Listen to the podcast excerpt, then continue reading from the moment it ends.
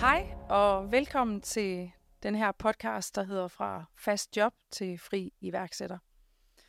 Jeg hedder Henriette Niemann, og dagens podcast den skal handle om, hvorfor er det så vigtigt at sætte mål. Hvordan skaber vi motivation, og øh, hvorfor er det vigtigt, at vi laver en bevidsthedsændring, når vi gerne vil skabe forandring. Og hvorfor er målsætninger så, så vigtige for os alle sammen? Ja, det er de, fordi at hvis ikke vi sætter os mål, så sejler vi rundt i livet, som vinden den blæser. Det svarer i virkeligheden til, at jeg sætter dig ud på et skib, uden ror, uden kompas, uden sejl, og så kan du ligge derude på en båd, altså sejle rundt, som vinden den blæser, og du kommer ingen vegne. Til at øh, løfte det her tema i dag, så har jeg inviteret en super inspirerende gæst, som hedder Camilla Lykke. Hun er langdistance triatlet, hun er iværksætter og meget mere, men hun har i den grad om nogen virkelig været en kvinde, der har sat sig nogle vilde mål. Din fremtidige udgave af dig vil jeg godt love dig ved takter for, at øh, du lytter med her i dag. Så øh, spids ører og genhør den gerne. Jeg plejer at sige, at øh, the power of repetition is the mother of all skills. Gentagelse er det, der skaber den langvarige forandring. Velkommen til dig, Camilla Lykke. Jeg har fået æren af dig i studiet i dag. Tak fordi jeg må være her. Jeg synes, det, det er mega spændende at få lov til at, at dele min historie, og jeg tror sådan normalt, der er jeg ikke sådan typen, der snakker super meget, øhm, men lige så snart folk de spørger ind til noget, der omhandler min sport, eller noget af det, som sådan fylder ind i mig, og, og har interesse i det, så, så kører, så kører mundtøjet, og så, kan jeg, ja, så skal jeg måske lige nogle gange hives lidt ind, for ikke bare at fortsætte ud af en tangent. Fedt. Så det vil jeg meget gerne dele. Det jeg også synes, der er super interessant med dig, Camilla, det er, at øh, du faktisk deler noget, der for rigtig mange er et vanvittigt sårbart tema. At du har haft det svært psykisk som ung, og, øh, og du er stadigvæk ret ung, vil jeg sige, men du har virkelig formået at ændre den der, det her mindset omkring det, at, øh, at have det svært til at faktisk på en eller anden måde at blive din styrke. Og noget af det, jeg er super optaget af i alt det, jeg laver, det er jo det her med målsætning og skabe motivation, og i virkeligheden også at skabe en bevidsthedsændring. Øh, og jeg tænker, at øh, det er du i hvert fald om nogen virkelig resultatet af. Så jeg er ret nysgerrig på, hvornår skete det egentlig for dig, at du sådan på en eller anden måde blev bevidst om, der skal ske en ændring i mit liv? Sport har altid fyldt meget i mit liv, også dengang jeg var helt ung. Jeg har spillet håndbold og spillet rigtig meget øh, fodbold også, Øh, og det har fyldt meget, og det har altid været sådan min, min safe zone, lige så snart jeg trådte ind på fodbold- eller håndboldbanen, så var det min, min komfortzone, og alle de sådan, øh, det ved jeg ikke, bekymringer og frustrationer og følelsen af måske at ikke helt at passe ind andre steder, den forsvandt bare lige så snart jeg trådte ind på, øh, ja, på håndbold- eller fodboldbanen. Så det har altid fyldt meget. Så tror jeg bare, at på et tidspunkt, jeg nåede til et punkt, hvor jeg gerne ville prøve noget andet, hvor det ikke var det her sådan øh, mandag, mandag, onsdag fra 8 til 21, men ligesom sådan øh, spillede eller trænede. Så jeg gad godt, at det var noget, jeg selv kunne bestemme, at jeg skulle træne, når det passede mig. Det er sådan blevet meget ekstremt, hvor meget det betyder for mig mentalt at træne her de sidste, jamen siden 2015, hvor jeg startede på studie, jeg skulle læse idræt inde på Aarhus Universitet. Øhm, og det, øh, det, det var ikke muligt for mig, fordi jeg ligesom ikke fungerede i at være sammen med alle de her mennesker her. Og dengang jeg startede derinde, der vidste jeg ikke rigtig, hvorfor det var, at jeg ikke kunne finde ud af at være i de her sociale relationer. Det var bare følelsen af at være konstant på overarbejde. Jeg gik hjem med monster hovedpine hver dag. Jeg havde ikke lyst til at være der. Og jeg, hver gang jeg cyklede til studiet, der håbede jeg bare, at der var en bus eller en bil, eller en, der ville køre ind i mig. Så jeg ikke skulle afsted, men det ikke var mig, der sagde, at jeg ikke kunne komme på studiet. Hvis nu der var nogen, der kørte ind i mig, så var der nogen, der havde taget den beslutning for mig. Du håbede simpelthen, at, at der skete et eller andet i dine omgivelser, som gjorde, at... Ja, som kunne tage mig ud af, at jeg ikke behøvede at tage på studiet. Øhm, så jeg havde det bare sindssygt svært, men der vidste jeg bare ikke, hvorfor jeg havde det svært. Øhm, så gik jeg et semester på, på uni, og, øh, og vidste op til, jeg tror det var efterårsferien, at da jeg ligesom stoppede der, der, der skulle jeg ikke tilbage igen. Og så da jeg stoppede på studiet, der tror jeg bare, jeg havde sådan en følelse af, at øh, hvis, jeg, hvis jeg ikke kan få en uddannelse, hvad er der så egentlig i livet til mig? Fordi jeg bare mm. følte mig så forkert i, at jeg ikke kunne finde ud af at være der. Øhm, så kom, tog jeg til lægen, og ja, hun kunne ret hurtigt se, at jeg havde det dårligt, og sendte mig faktisk så til, til udredning på psyk, hvor at jeg kom til øh, ja, sådan relativt hurtigt, og fik en, øh, fik en udredning og fik øh, to diagnoser, som blandt andet er social angst, og så er der noget, der hedder ængstelig evasiv, som er sådan en, en forstyrrelse, hvis man kan sige det sådan, hvor man, mm. man tænker rigtig meget over, hvad andre de tænker om mig, og hvis jeg, nu har jeg sagt det her, hvad, hvad tænker de nu om det, og jeg kan gå hjem efterfølgende og tænke, hvorfor sagde jeg det, eller hvorfor gjorde jeg det her, og nu tænker de sikkert sådan her, selvom at alle andre sikkert meget... Så du var sådan ekstra meget dømmende over for dig selv? Ja, bare sådan sindssygt over, over jeg ved ikke, om det er reflekteret, men i hvert fald sådan overanalyserende på mine egne sådan, handlinger, og synes jeg, at jeg gjorde alting forkert, og mm. ja, det føltes sindssygt meget. Men bare det, at jeg fik de her diagnoser, gjorde, at jeg ligesom fik ro i, at det ikke fordi, jeg er forkert. Nu har jeg egentlig bare fundet ud af, at der er en grund til, at jeg har det, som jeg har det. Og nu har jeg faktisk fundet ud af, hvad det er for nogle værktøjer, jeg kan give mig selv, for at komme bedst muligt videre herfra. Ja. Så diagnoserne blev ligesom sådan en, en start til, at jeg kunne give mig selv de bedste redskaber til at komme videre. Hvor før, der kunne, hvis man ikke ved, hvad man fejler, har jeg sagt i citationstegn, øhm, så kan du heller ikke behandle det ordentligt. Øhm, Nej, man er nødt til at skabe en bevidsthed omkring Præcis, ja. Så ja, lige præcis bevidstheden om, at der er en grund til, at jeg, jeg har det, som det har, jeg har det, det, det gjorde, at jeg kunne komme, komme videre derfra. Mm. Øhm, så fik jeg noget behandlingstilbud på psyk, som ikke helt passede til mig, og valgte at stoppe det, men kom heldigvis til en psykoterapeut, som altså bogstaveligt talt reddede mit liv, hvor jeg gik i halvandet år, og jeg fik de her værktøjer til at kunne tøjle de udfordringer, jeg har. Øhm, og det er det, der gjort, at jeg er der, hvor jeg er i dag, hvor jeg har den her bevidsthed omkring, at det kan godt være, at jeg har nogle udfordringer, men der er ikke noget, jeg ikke kan, som andre ikke kan. Jeg skal bare gøre det på nogle andre måder. Sammen med, med de her sådan, redskaber, der har sporten bare været det her frirum, fordi lige hver gang, altså når jeg træner, så får jeg udløst noget i hjernen, og ja. det giver For mig... frigjort noget dopamin. Fuldstændig. Øhm, og samtidig så er det bare sådan den her, jeg har det fedt, når jeg træner, jeg har det meget federe, når jeg har trænet. Og så tror jeg bare, det kombineret med, at jeg har et eller andet sådan sindssygt vinderinstinkt, og at jeg ikke gør tingene halvt, øhm, det gjorde bare, at jeg var sådan, okay, jeg skal, jeg skal gøre et eller andet med det her. Mm. Øhm, og så tilmeldte jeg mig en, en, en mini-triathlon, sådan en helt kort udgave, hvor man skal svømme 400 meter, og cykle 18 km, og løbe 4 km. Som noget af det første? Ja. Okay, det er også Jeg havde lige købt en uh, mountain bike, og så var jeg sådan, jeg skal da bruge den her til et eller andet. Øh, det, var, det var meget fedt. Blive overhalet alle mulige, der kørte på hurtige cykler. Jeg var bare sådan, okay, jeg skal også have en hurtig cykel. Så da jeg havde gennemført den her, der gik jeg hjem og købte en ny cykel på nettet, og tilmeldte mig en halv Ironman året efter, for jeg var sådan, det her, det må jeg simpelthen bare prøve igen. Wow, så det er gået ret stærkt. Men jeg får egentlig lyst til at spole lidt tilbage, hvis mm. det er mm. okay med dig. Fordi du siger til mig, at man syg kom egentlig med et, et behandlingsforslag, men du valgte, var det psykoterapi, ja, sagde i stedet for. Kunne du sådan lige skitsere, hvad var den største forskel på de to forløb, til du valgte det ene frem for det andet? Mm, altså jeg tror meget på, altså jeg, jeg føler stadigvæk, at den, den udgave, eller den version af mig selv, jeg var dengang, øh, at jeg, jeg havde det så dårligt, og jeg kan næsten, det føles også lidt som sådan en blurry tid, hvor jeg, har svært ved egentlig at skælne og huske, hvorfor og hvordan. Men, og det er ikke, fordi jeg skal hænge syg ud, fordi de, har, de, de gør jo noget godt. Jeg tror bare, at det var sådan kombinationen af, at jeg, jeg fik en behandler, hvor der ikke var sådan en super god kemi. Vi, jeg følte næsten, at vi var samme alder, og mm. det var en oplevelse af, at når jeg kom ind i det her rum her, så var hun sådan, hvad har du med i dag? Så jeg sådan, jamen, jeg har ikke noget med, jeg har det pisse dårligt, jeg vil faktisk, jeg vil have brug for, at du skal hjælpe mig. Og det kan jo godt være, at der er en, et andet menneske, der har det på en anden måde, som kan komme ind og være meget mere tydelig i sine behov. Det var jeg bare ikke klar over. Mm. Øhm, så jeg tror, at mødet med min psykoterapeut øhm, var bare følelsen af at blive mødt øh, og set og hjulpet. Og så gradvist havde hun evnen til nok egentlig at gøre det samme som det, de gjorde ved syg, hvor hun var sådan, hun kan jo ikke, hun kan ikke fikse mig. Jeg skal selv lære at blive bevidst om, hvad er det for en udfordring, jeg har. Hun kunne give mig nogle redskaber, som jeg selv kunne lære at blive klar over, hvornår jeg skulle bruge, og hvordan jeg skulle bruge dem. Mm. Øhm, men der var jeg bare ikke, det kan man bare ikke forvente, igen sagt i citationstegn, af et, et menneske, der er i så dårlig stand, at man skal være bevidst omkring det på det tidspunkt.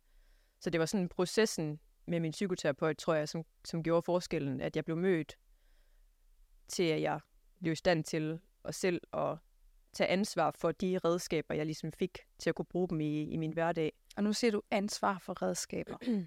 Fordi hvad var det så egentlig for, for redskaber? Altså hvad er det, du er blevet super bevidst om? For jeg hører jo egentlig, at du ret hurtigt sætter dig et, et mål. Mm. Altså du sætter dig, bevidst eller ubevidst, men du sætter dig mål. Altså, det er sportslige, eller hvad tænker ja, du? Ja, ja. Jamen, jeg tror, at der er, sådan, der, der igen er der jo mange lag i den her historie her. Øhm, og en af de, sådan, de ting, hvor jeg virkelig føler, at det gjorde en forskel at gå hos psykoterapeuten, og øh, at de her redskaber kunne bruges, det var jo egentlig også i mit arbejdsliv. Fordi øhm, jeg var på det her tidspunkt, der var jeg jo droppet ud af studiet, mm. øh, og havde virkelig sådan, hvad skal der blive af mig? Og så alligevel ret kort tid efter, at jeg sådan er begyndt at få det lidt bedre, der vælger jeg så, okay, men det kan godt være, at jeg ikke kan, jeg kan ikke læse idræt, men jeg, jeg kan jo godt fungere, så jeg må finde på noget andet. Så derfor valgte jeg at læse personlig træner, uddannelsen, mm-hmm. øhm, som starter med, at man læser til fitnessinstruktør, og så bliver man personlig træner bagefter. Øhm, fordi det var i nogle rammer, der fungerede godt til mig. Og det var bare kæmpe forskel fra det her øh, setup på uni, som bare var kæmpe socialt, øh, til at komme ind i et, et rum og et sted, der bare fungerede godt til den måde, jeg fungerer på. Så det er igen det der med at finde en løsning, øh, som passer til de udfordringer, jeg har. Og derfra, der valgte jeg at være sådan, okay, nu skal jeg jo bruge den her personlige træneruddannelse til noget. Hvad, hvad kan det være? Øh, jeg vidste, jeg ikke havde lyst til at stå i et fitnesscenter og arbejde fra 8 til 16. Så tænkte jeg, okay, men jeg kan jo prøve at, at starte noget selv. Og så startede jeg med at lave sådan et, øh, et gratis, øh, en gratis træningsteam ind i Aarhus. Øh, jeg har sådan noget udendørs træning, og det var det, det jeg startede ja. med dengang. Øh, og der kom så et par stykker til den her træning i Aarhus, øh, og nogen kom ud fra Mols af og var sådan, skal du ikke lave noget herude i Æbeltoft? Jeg er sådan, for helvede, jeg er lige flyttet til Aarhus, jeg skal lave noget herinde i Aarhus. Men så prøvede jeg så alligevel at lave en gratis prøvetime i Æbeltoft, og der var bare 48 mennesker den første gang. 48? 48 til den her gratis prøvetime. Wow. Og så var jeg sådan, okay, der er måske potentiale for noget herude. Men jeg hørte også sige, at du faktisk hele tiden, når du har mødt en, hvad andre måske vil opleve som en begrænsning, men så du valgt bevidst eller ubevidst, Camilla, at se det som en mulighed. Mm. Jeg plejer at sige, at de smukkeste gaver kommer i de allergrimmeste indpakninger. Ja. Øhm, og der handler det om, det handler ikke om, hvad der sker, men det handler om, hvordan vi ser på det, der sker. Mm. Fordi det, jeg har hørt dig sige, det er egentlig, at det har været en kæmpe gave for dig, at du faktisk har i situationstegn fået sådan lidt en smutvej for alle de år på uni, og en genvej, altså på en eller anden måde i forhold til, så har du lige pludselig 48 deltagere til, til træning. Mm. Ja. Til outdoor træning, ikke? Hvor du i stedet for skulle have gået mange år på uni og brugt en masse energi på det, som i virkeligheden ikke var dig. Jamen, jeg er helt enig, og jeg tror også, at altså, jeg, jeg er også den overbevisning, at det var jeg nok ikke dengang, det er jeg nu, at jeg tror på, at, at der er en mening med det hele. Øhm, og det, det, det vidste jeg ikke dengang. Det vidste jeg nu, at jeg kan se, at der var en mening med det, og der, der universet sender mig ikke noget, som, som jeg ikke kan klare, og de, the trail will provide. Og jeg tror på, at det her, det var sådan en, jamen, du kunne ikke det her, men så fandt du den her løsning her, og da jeg blev sendt den, den mulighed.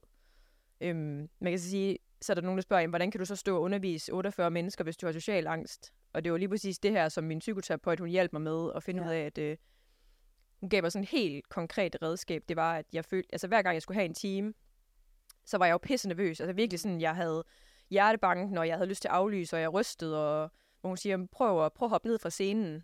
De er der faktisk ikke for at kigge på, at du skal performe et eller andet. De er der, fordi de skal lære noget. Du skal lære dem noget.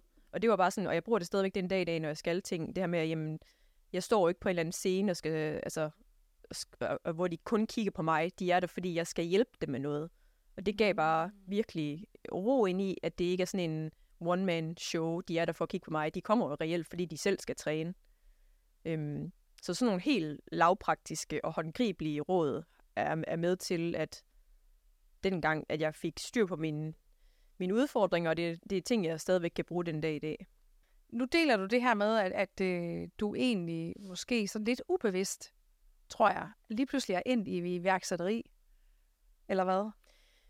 Ja, så kommer jeg nok til at, lidt, alligevel sådan at udfordre lidt den der sådan iværks, ordet iværksætter, for jeg tror ikke, jeg ser mig selv som iværksætter. Nej, men du er i hvert fald selvstændig. Ja, og det, ja, og det er jo, hvad, og, og det er også nogle gange, hvor jeg tænker, at det er jeg jo egentlig. Øh, ja. Jeg har to virksomheder, så det er jo ikke, fordi jeg, jeg ikke er iværksætter. Jeg tror bare, for mig, der er sådan en iværksætter, det er bare sådan nogle, der tjener rigtig mange penge, og har virksomheder, de sælger og laver produkter, og hvor jeg tænker egentlig, at jamen, jeg, har jo, jeg har jo bare de her ting, jeg kan, kan lave, som, som giver mig en frihed til at samtidig at kunne træne rigtig meget, som jeg også gør. Ja, på en eller anden måde, så er det nok ubevidst, at jeg hoppede ind i det selvstændige, og så alligevel ikke der tilbage for otte år siden. Mm. Øhm, det var et bevidst valg om, at jeg vidste, at jeg ikke havde lyst til at arbejde et sted fra 8 til 16. Ja. Øhm, og samtidig så tror jeg, at det sådan har været min redning også, fordi jeg tror, at mentalt, der, der, der vil jeg ikke fungere i et 8-16 job, fordi jeg bare er, jeg bliver hurtigt sådan fyldt op i min hjerne. Øhm, så jeg, jeg, vil ikke, jeg vil ikke kunne trives i sådan et job, så det, at jeg har formået at skabe mit, mit arbejdsliv på den her måde her, har også været en, en, en redning, og det har måske mere været ubevidst faktisk, men, men heldigt, ja. at jeg har givet mig selv den, den mulighed. Og nu kan det jo godt lyde som om, at du bare sådan er gået den lige vej efter det her med syg. Men hvilke bump har du egentlig mødt på din vej som selvstændig? Jeg tror, jeg har været, igen, jeg kan ikke lide at sige heldig, fordi det er jo noget, jeg selv har skabt, så det er ikke fordi, jeg føler mig heldig, jeg føler mig privilegeret. Ja. Øhm, men at det her med, at jeg har de her outdoor-hold, som ligesom har været sådan en stabil ting, mm. som har givet en, en, sådan en, en fast indtægt, og så tror jeg, at med tiden, der har, der har jeg så skåret ned på de outdoor-hold, og der er det mere sådan blevet min, den der online coaching, som, har, mm. som er min sådan faste robrødsting, øhm, som giver en, en, en fast indtægt. Og jeg kan jo se, at det giver virkelig en tryghed for mig at vide, at jeg har relativt fast, ved jeg, at der kommer det her ind, som så gør, at jeg kan mere være i ro omkring, at det skal nok gå. Og jeg tror, jo mere man kan være i ro omkring, at det skal nok gå, jo mere kommer det også til en. Fordi jo mere man struggler, jo mindre kommer der til en. Altså, det er virkelig sådan en... Og jeg sidder og nikker her, fordi mm. jeg kan ikke være mere enig. Nej. Altså, jeg arbejder med det her med, vi, vi får det, vi tænker. Mm. Altså, og vi kan aldrig tiltrække mere, end det vi er, det vi tror om os selv.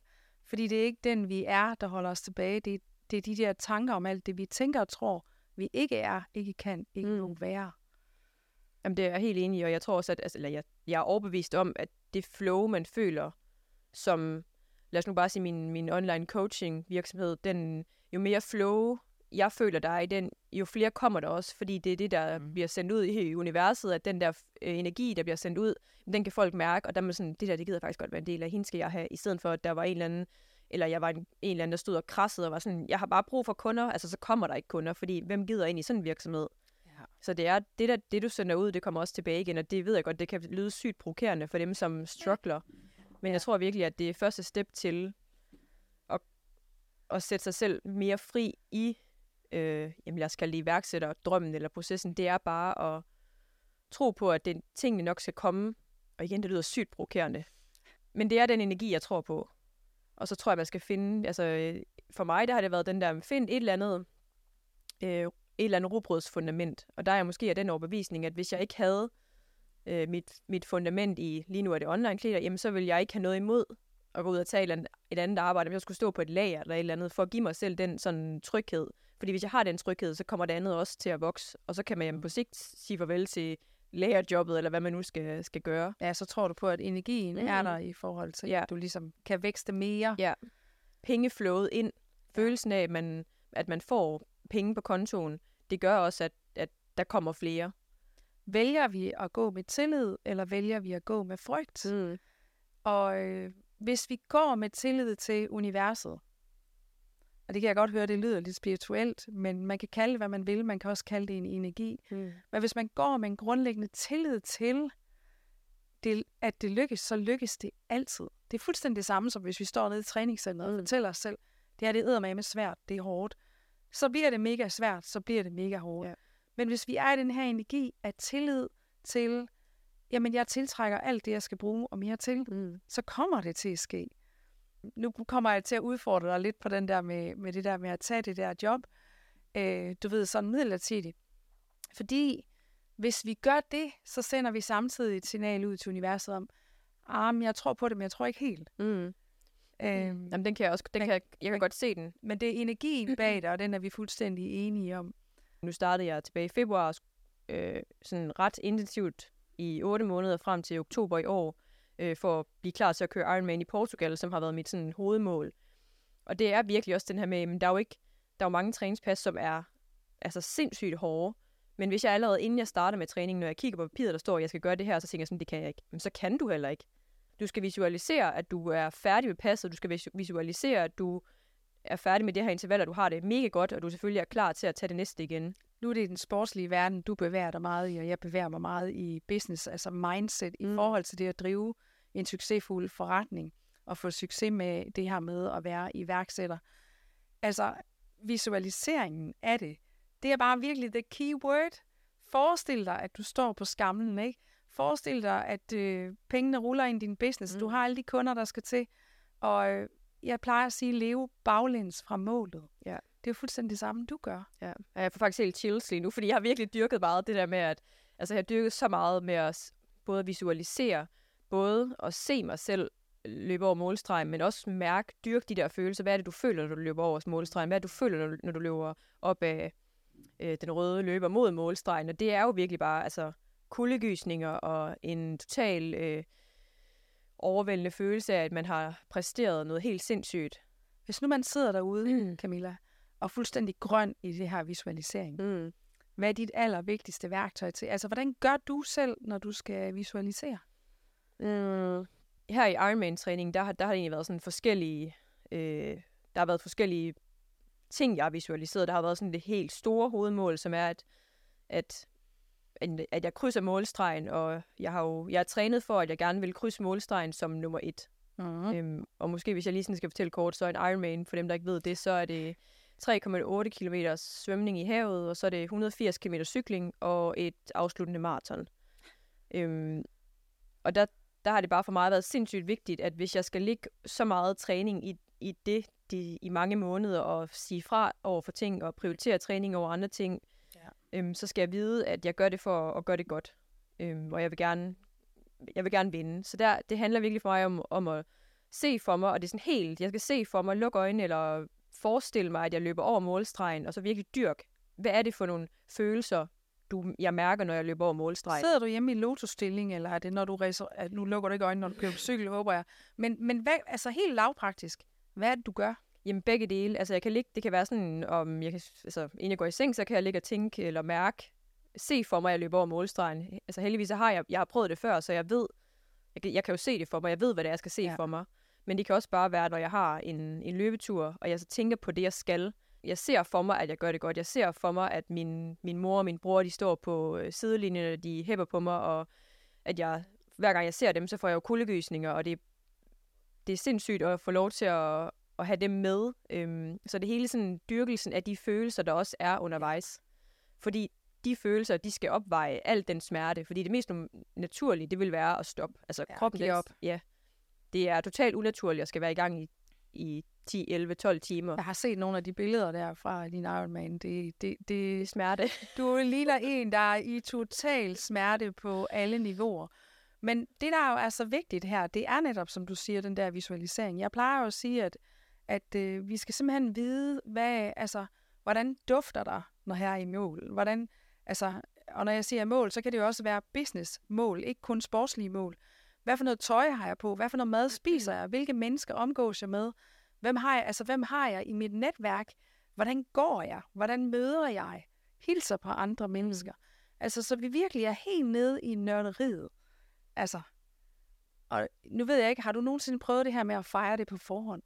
Jeg, tror, altså, jeg har ikke sådan fysisk været sådan, okay, nu popper jeg en øl, fordi jeg har vundet, men jeg tror, inde i mit hoved, der har jeg jo godt, jeg har vidst, at jeg er i så god form, at hvis alt spiller, så vil jeg kunne vinde, så derfor har jeg jo egentlig også i lang tid op til været sådan, jamen, jeg ved, jeg kommer til at gøre det godt. Ja. Men så er, er, er hjernen jo også så sindssyg, at så kommer man tæt på, og så er man sådan, ej, ja, ja, så det, der, alt kan jo ske, så vi må også heller lige slappe lidt af, og vi ser, hvad der sker. Og... Så begynder de begrænsende overbevisning. Ja. Men det er faktisk derfor, jeg siger, at det her med at fejre det på forhånd, mm. det kan være en ekstra ting, som gør, at du opdager, wow, jeg er, jeg er der allerede, mm. det er sket. Så du ligesom kaster den her boomerang ud til universet og siger, det, det, er, det er min første plads. Mm. Sådan er det bare. Ja. Altså, og det, det, det synes jeg er en mega god idé, det er også bare, bare det her med at, at ture og sige, at jamen, jeg, jeg stiller op for at vinde. Det er for mig også, altså det, det er grænseoverskridende, men alligevel så har jeg bare nogle resultater fra tidligere, som gør, at det tør jeg godt nu. Jeg tror, det var noget andet, hvis man kom og aldrig havde vundet noget, og var sådan, jeg vil vinde. Ja. Hvad, har du, hvad har du bygget det på? Øhm, men, men nu har man noget at bygge det på, men samtidig er det jo grænseoverskridende, fordi du ved bare ikke, hvad der skal ske. Men det her, det du så siger med at fejre det, det tror jeg vil være next level for mig. Altså et at sige, jamen, okay, jeg stiller op for at vinde, og så skal jeg faktisk holde den helt ind til dagen inden, hvor jeg så siger, jamen, jeg stiller op for at vinde, når jeg vinder. Ja. Og så skal jeg... Jeg har faktisk allerede vundet. Ja, Altså, jeg plejer at sige det her med, at vi skal i tale sætte det, som om vi allerede ja. er i mål. Fordi 95 procent af alt, hvad vi gør eller ikke gør, det, det foregår på det ubevidste plan. mm. Og det er jo også din, det, vi kalder paradigmer i min branche. Det er de her begrænsende overbevisninger. Jamen, det kan jeg sikkert ikke. Det kan jeg ikke finde ud af. Det bliver hårdt. Det bliver svært. Øh, og så begynder det at komme alarm, når du er mega tæt på, at nu skal du ind og performe. Mm. Ja, nu skal du ikke lige sælge skinnet, for bjørnen den er skudt, vel? Ja. Altså, øh, så vi har 5% chance for bevidsthed. Mm. 5% chance for i virkeligheden at ændre vores måde at tænke på, vores tro på. Og jeg plejer at sige, at tro er jo ikke noget, vi får. Det er noget, vi skaber. Mm. Du siger selv, jamen, øh, jeg havde jo noget at bygge det på, for jeg havde prøvet at stå på den der skammel før. Ikke? Du havde prøvet at vinde før. Men i virkeligheden er tro noget, vi vælger ind i os ved at sige, jamen jeg er der allerede. Mm. Og når vi er der allerede, så er der ikke nogen, der kan tage det fra dig. Nej, det er vildt nok, fordi jeg, det du fortæller om her, det gør jeg i min træning. Det er som om, at når målet det så bliver så stort, hvor der ligesom også er andre, der kan... Altså, i et træningspas, der har jeg jo kun mig selv. Jeg skal ikke slå nogen. Så når der er konkurrenter på banen, Ja, der kommer mange sådan udefra Ja. øh, faktorer, og det tænker jeg, det er jo også meget sådan i en, i en business-situation. mm. Der er det jo også, der kan du ikke, der er det ikke kun dig. Du, man er virkelig afhængig af... Uh, nej, og der har du bare fat i noget der, Camilla, fordi det, jeg hører så tit, det er, når, øh, som den største begrænsning, når jeg møder nogen, der drømmer om iværksætteri, det er, ah, men der er så mange andre, og øh, der er tusind andre, der laver Facebook-annoncer, tusind andre, der laver hjemmesider, eller en hel masse andre kunstnere. Jeg siger, ja, men det er fuldstændig irrelevant, hvor mange der er, for der er kun en af dig. Mm. Der er kun én eneste af dig. Og jeg tror på, at vi mennesker, vi hver især, er sat på denne her jord, for at leve et helt unikt budskab. Udleve et helt unikt potentiale.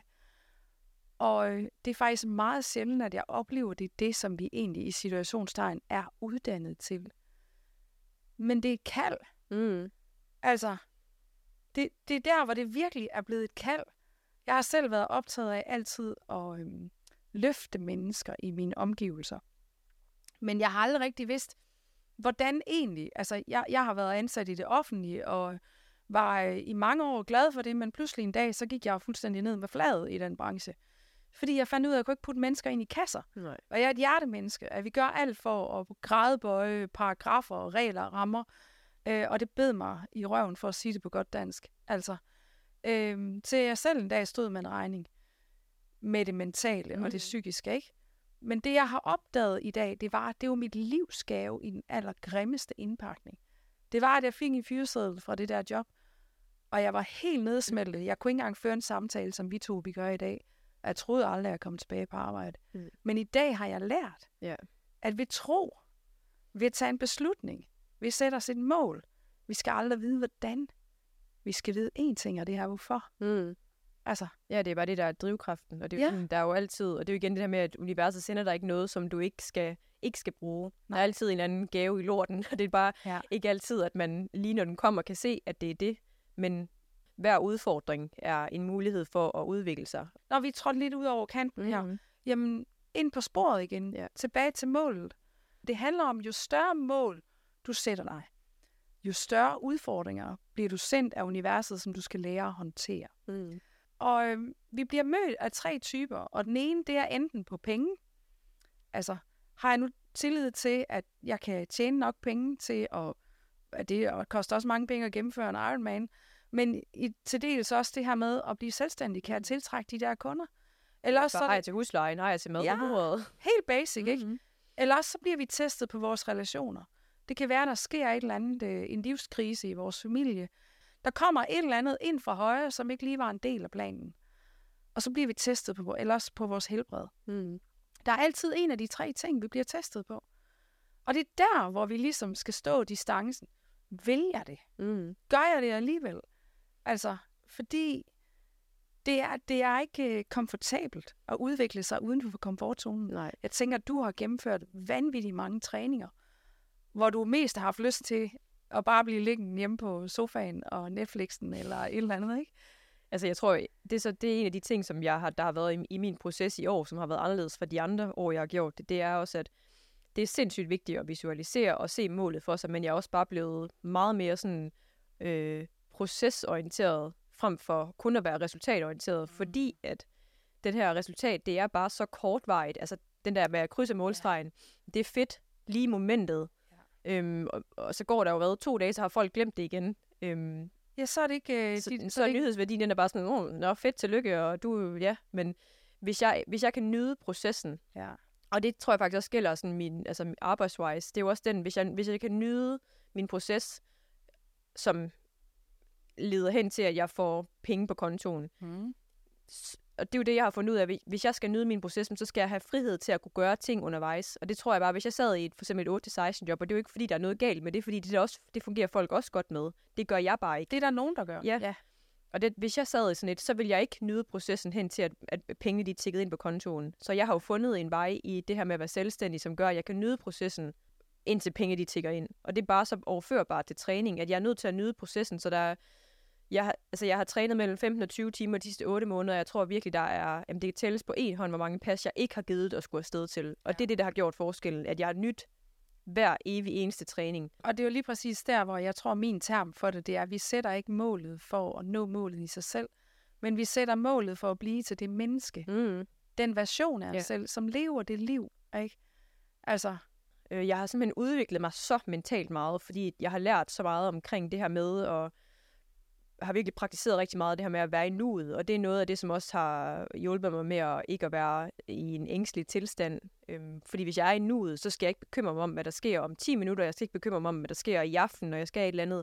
Jeg har jo simpelthen ikke skulle tænke for meget over, at jeg skulle ind i den her podcast her, fordi hvis jeg begynder at overtænke dem, så kunne jeg måske få lyst til at være sådan, ej, det er nemmere bare ikke, ikke at tage afsted, så aflyser jeg. Ja. Så hvis jeg ikke tænker over det, jeg skal, og bare er til stede lige der, hvor jeg er nu, jamen så opstår de her ængstlige følelser heller ikke. Jeg har en, en lille simpel sætning, som øh, man kan sætte på. Jeg tror, du har gjort det mere ubevidst. Men det, man egentlig kan spørge sig selv om, når man står og øh, gør et eller andet bevidst eller ubevidst, så kan man spørge sig selv om, hvad giver det mig at gøre det her? Mm. Hvad vil det give mig ikke at gøre det? Yeah. Fordi det, mennesket egentlig er programmeret til, det er, hvad koster det mig at gøre det? Og, altså, du ved, hvad, altså, øh, hvad mister jeg? Men i stedet for at kigge på, hvad vil det give mig? Fordi det kan vi egentlig også kigge på, hvis vi taler om det her med den sportslige verden, eller det her med at blive iværksætter. Hvad vil det give mig? Mm. De fleste iværksætter vil sige, eller dem med en iværksætter i maven vil sige, det vil give mig frihed. Ikke? Ja. Det er typisk en værdi, det hænger meget godt sammen med det her med at have en, en, øh, en uforløst drøm om at være iværksætter. Det er det her med at have en meget stor passion for frihed. Altså til selv at vælge frihed, til selv at bestemme, hvor er jeg, hvornår, og hvordan man lever sit liv, og det ikke hedder 8-16, ikke? Især det her med at, at, at finde et mål for, hvorfor, altså nu er jeg medlem af en eller anden sådan iværksættergruppe inde på Facebook, og der er tit nogen, der skriver sådan, åh, jeg vil, bare, jeg vil gerne åbne en webshop, jeg ved bare ikke helt, hvad, hvad det skal være, og det, der tror jeg bare, det er, den, det er sådan den forkerte indgang til øh, at, at skabe noget, fordi det er sådan, du vil gerne skabe noget, fordi du har en forestilling om, at hvis du får det, så får du ja. det her. Ja, når, så når... Jamen, når, når, hvis jeg bare får en webshop, så bliver jeg jo... Så, så bliver jeg glad. Så bliver jeg glad, jeg bliver ja. måske... Øh, det giver mig frihed til at kunne bla bla bla, men hvis man ikke engang ved, hvad det er, man vil sælge, så tror jeg bare, det er sådan, det er den forkerte, øh, det forkerte incitament til at, at starte det. Det skal jo gerne være sådan, mhm. fordi jeg har et kæmpe fedt produkt, jeg bare ved, som vil hjælpe folk, og det skal jeg bare have ud igennem den her webshop her. Ja. Og det, er jo, og det tror jeg er meget overførbart til sådan, det, du også siger med, at man skal, du skal have et mål for det, du gerne vil opnå. Det er uanset om du, øh, og, og det mål skal gerne være knyttet op på, hvorfor, altså det der why, hvorfor er det, vi gør det, vi gør. Mm. Jeg tror, at hvis man har det, jamen så, så, giver det, så giver processen også meget mere mening. Altså ligesom hvis jeg har, når jeg har et, et mål om, at jeg vil gerne øh, køre Ironman, jeg vil gerne vinde, jamen hvorfor er det, jeg gerne vil gøre det? Jamen både fordi jeg gerne vil være den bedste, men det er også fordi, jeg ved, at træningen gør mig bare så sindssygt godt. Altså når jeg træner, så får jeg bare et mentalt overskud, som gør, at jeg kan holde alle mine jeg har i hvert fald mere overskud til at forsøge at holde mine, sådan, mine udfordringer nede. Ja. Så det er bare den der med sådan, prøve at sætte, sætte tingene sammen i et mål, et hvorfor, og så også at kunne nyde processen derhen. Mm. Øh, og det, det, det tænker jeg ikke kun er træningsmæssigt, det gælder jo også øh, i iværksætteri. Noget af det, der faktisk overraskede mig, det var, at, at jeg troede egentlig, jeg engang, altså nogle år tilbage, at jeg havde da et mål. Det var sådan noget, jeg ville bare gerne være, være glad og have et godt liv og sådan noget, men jeg har ikke defineret, hvad var det gode liv egentlig for mig? Hvad var glæde egentlig for mig? Øh, og noget af det andet også var også det her med frihed. Men jeg havde ikke frihed. Jeg havde en hel masse værdier, mm. men der var faktisk ikke nogen af de værdier, der var en del af mit liv. Så da jeg fandt ud af, at jeg kunne begynde at spørge mig selv om, hvad vil jeg absolut elske? Mm. Altså, hvad vil jeg absolut elske? Prøv at spørge dig selv om dig derude, der lytter med. At spørge dig selv om, hvad vil du absolut elske? Og skabe i dit liv? Hvordan vil du elske at leve dit liv? Mm. Og kigge på, hvad vil det give dig at leve det her liv? Fordi hvis ikke vi har et mål, så svarer det til, at vi sejler rundt på... Det kunne være, at jeg satte Camilla på en øh, løsbåd uden for, foran Æbletoft øh, Havn. Og så sagde jeg, nu har du så ingen sejl med, og du har ingen kompas med. Og det kan vi sidestille med livets omstændigheder. Fordi så sker der det, jamen, så sker der et eller andet på arbejde, så sker der noget med ens partner, så sker der noget med ens børn, eller så sker der noget med en kriser, som vi har hørt om øh, de senere år. Det handler ikke om, hvad der sker, det handler om, hvordan vi takler det, der sker. Og så handler det om virkelig at have et mål. Fordi hvis ikke vi har det mål, så kommer vi ingen vegne. Men også fordi, det, altså, jeg har også selv en, en øvelse, som måske også kan sidestilles lidt med det her, det der med at, at, at skrive ned. Det kan både være mål, man skriver ned, men det kan også være drømme, man skriver ned. Og når man så får de der drømme på papir, så bliver det også meget mere tydeligt, hvad er det så, jeg skal gøre for at komme tættere på de drømme. Ja. Når, du, når du har det sådan sort på hvidt, jamen min drøm, den er, at, øh, at jeg vil, køre, jeg, vil, jeg vil vinde Ironman i Portugal. Ja. Jamen, så ved jeg også, hvad, hvad skal jeg gøre for at komme til det? Og det er det samme, hvis man sætter sig et mål for sin business, jamen, så ved jeg også, så bliver det meget nemmere at lave jamen, for eksempel fem steps. Ligesom du siger, hvad kan jeg gøre i dag, bare for at komme lidt tættere på. Ja. Og nogle gange så er det bare vigtigt at få det ned sort på hvidt, så man kan se, hive det der papir frem, når det måske lige, der kommer en udfordring, eller tingene lige bliver lidt svære. Jamen, så hiver jeg det ned, og så kan jeg tage fat i, men jeg skal faktisk gøre det her for at komme tættere på min drøm. Ja. Og for hver gang man gør en af de her ting, så kommer man bare et skridt tættere på, og du kommer tættere og tættere på. Og så kan det være, at nu har jeg faktisk gjort de her fem ting. Hvad, hvad skal jeg, hvor er jeg så henne nu? Hvor langt er jeg fra min drøm? Mm. Og så kan man lave fem nye ting, man skal gøre for at komme tættere på. Så det er jo lidt ligesom at have en træningsplan til en Ironman. Der ved jeg også, at hvis jeg skal det her, så skal jeg gøre det her. Så det er jo mine sådan steps for at komme tættere på den drøm. Ja. Og så den anden er også bare sådan generelt, man kan lave sådan en, have drømme for sit liv, Ja. have drømme for sin business. Ja, hvad drømmer jeg om for mit liv? Ja. Øh, hvor vil jeg gerne være henne? fem år. Ja. Og fem år er i virkeligheden det, det maksimale, jeg overhovedet går til med den bevidsthed, jeg har i dag. Mm. Men i virkeligheden arbejder jeg mere i fem ugers planer, fem måneders planer, Ja. hvis vi er ude i, i det. Fordi vi mennesker, vi har sådan en, en tendens til at undervurdere, eller overvurdere, hvad vi kan nå på et år, men undervurdere, hvad vi kan nå på to. Mm. Altså, vi kan, vi kan så meget mere, Ja. end vi tror. Det, er- det er så vigtigt, det der. Hvis der nu var nogen, der havde sagt til dig, Camilla, da du startede din rejse, sådan, øh, da du lige øh, var trådt ind på syg første gang, jamen nu skal du høre om x antal år, så har du gennemført en Ironman, og, og du er selvstændig iværksætter, og du har en hel masse træningshold, og du øh, lever bare dit liv i frihed. Altså, hvad havde du så sagt? Ja, nu får jeg sådan helt kuldegysninger, fordi det, altså, ja, det, dengang, der kunne jeg jo ikke engang, jeg havde ikke engang i princippet lyst til at leve, så det var jo, Nej. altså, jeg kunne ikke se, at der var noget i livet for mig. Nej. Så det er jo, det er vanvittigt at, at tænke på, og så tror jeg også bare, at lige præcis det der med, det er sådan nogle ting, som det her med at, at fejre, at man, man har opnået noget. Alle de ting, du lige riser op for mig, jeg har opnået, den, Mm. dem er jeg virkelig dårlig til egentlig, når jeg bare sådan i min hverdag at huske på, hvor meget jeg har opnået, og det tror jeg virkelig, at man at der også ligger en eller anden sådan gave i, og, og lige at sætte sig ned og så tænke sådan, okay, hvor var jeg for fem år siden? Det er jo sindssygt, hvor meget der er sket. Og den, den, det er i hvert fald noget, jeg kan blive bedre til, det der med lige at prøve at dyrke, at det jeg har opnået, i stedet for hele tiden bare at være sådan, videre, videre, videre. Ja, og den eneste, vi nogensinde skal sammenligne os selv med, det er en tidligere udgave af os Mm. selv. Men nogle gange er den tidligere udgave faktisk kun lige går, Mm. sidste uge. Ja. Når vi så kigger på det over en tidsperiode, jeg plejer at sige, at man kan lave så sådan en, øh, en succeskrukke med alle de sejre og alle de fremskridt, man har. Mm. Og det kan være de små ting. Læg det på en seddel ned i en krukke, eller skriv det på en sten ned i en krukke, fordi så får du sådan noget, Ja. et fysisk symbol på, wow, det vokser, min succeskrukke. Ja, det er faktisk Altså- en virkelig god idé. Over tid, så er det bare blevet til mange succeser. Især fordi det er noget med noget volumen på, i stedet Ja, for, at det ja. måske bare er på Det er et visuelt. seddel. Ja. ofte så møder jeg mennesker, som vi har jo alle sammen en historie. Vi har alle sammen noget med i bagagen. Men det handler om, hvis nu vi skulle ned til stranden og sætte en øh, tyngde på den historie, vi har med, jamen øh, så kunne det være for nogens vedkommende, at det er ret mange tons. Altså jeg har selv sådan en mental rygsække, jeg sådan sætter ved siden af min seng hver dag, og øh, det, har jeg, det har jeg sådan et billede på, at den lader jeg stå der, fordi den skal ikke med ud i mit liv. Mm. Den skal ikke være styrende for mit liv. Og vi kan være stensikre på, at hvis ikke vi selv styrer vores ubevidste sind, så gør omgivelserne Mm. det.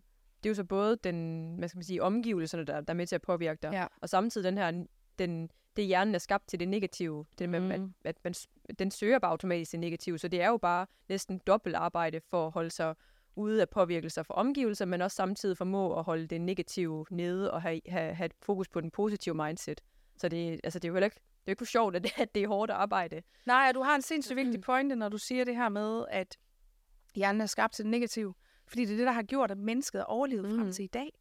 Der var jo en gang, hvor det var virkelig vigtigt. Altså, vi boede i lærhytter ude på sletten, og vi skulle passe på de farlige dyr, og passe på vores børn og vores føde, og vores... Altså, og, og dengang var det mega godt, at vi havde så instinktivt negative hjerner. Men i dag, hvor vi bor i moderne hus, vi bor i en del af verden, hvor der er forholds, altså der er trygt, og så er det mega Mm. ukonstruktivt, at vi render rundt og tænker så mange negative tanker.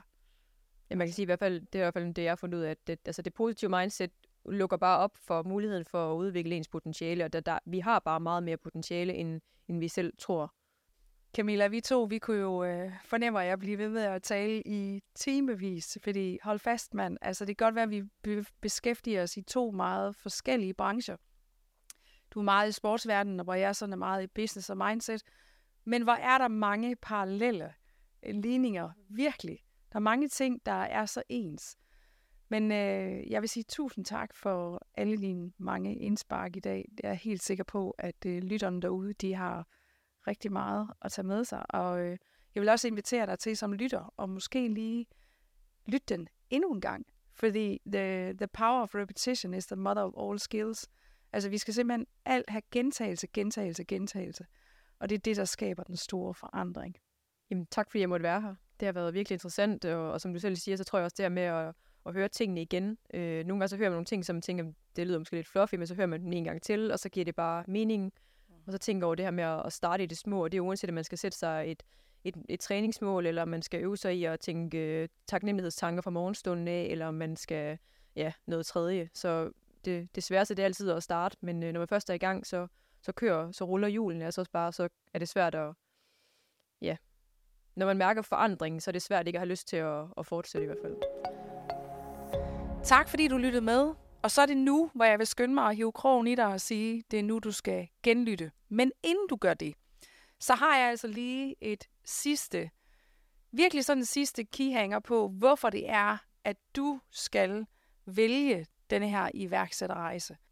Vi hører ofte derude, at vi skal blive i det faste job med den trygge pension og den gode lønsjek og alt det her. Men har du nogensinde tænkt over, at når du har et job ved en arbejdsgiver, så har du altså også kun én, der bestemmer over hele dit liv, hele din fremtid. Det vil sige, med et fingerknips, så kan du være arbejdsløs. Jeg vil minde dig om, hvis du vælger iværksættervejen, så har du et helt land fuld af potentielle arbejdsgivere. Og hvem vil ikke elske det?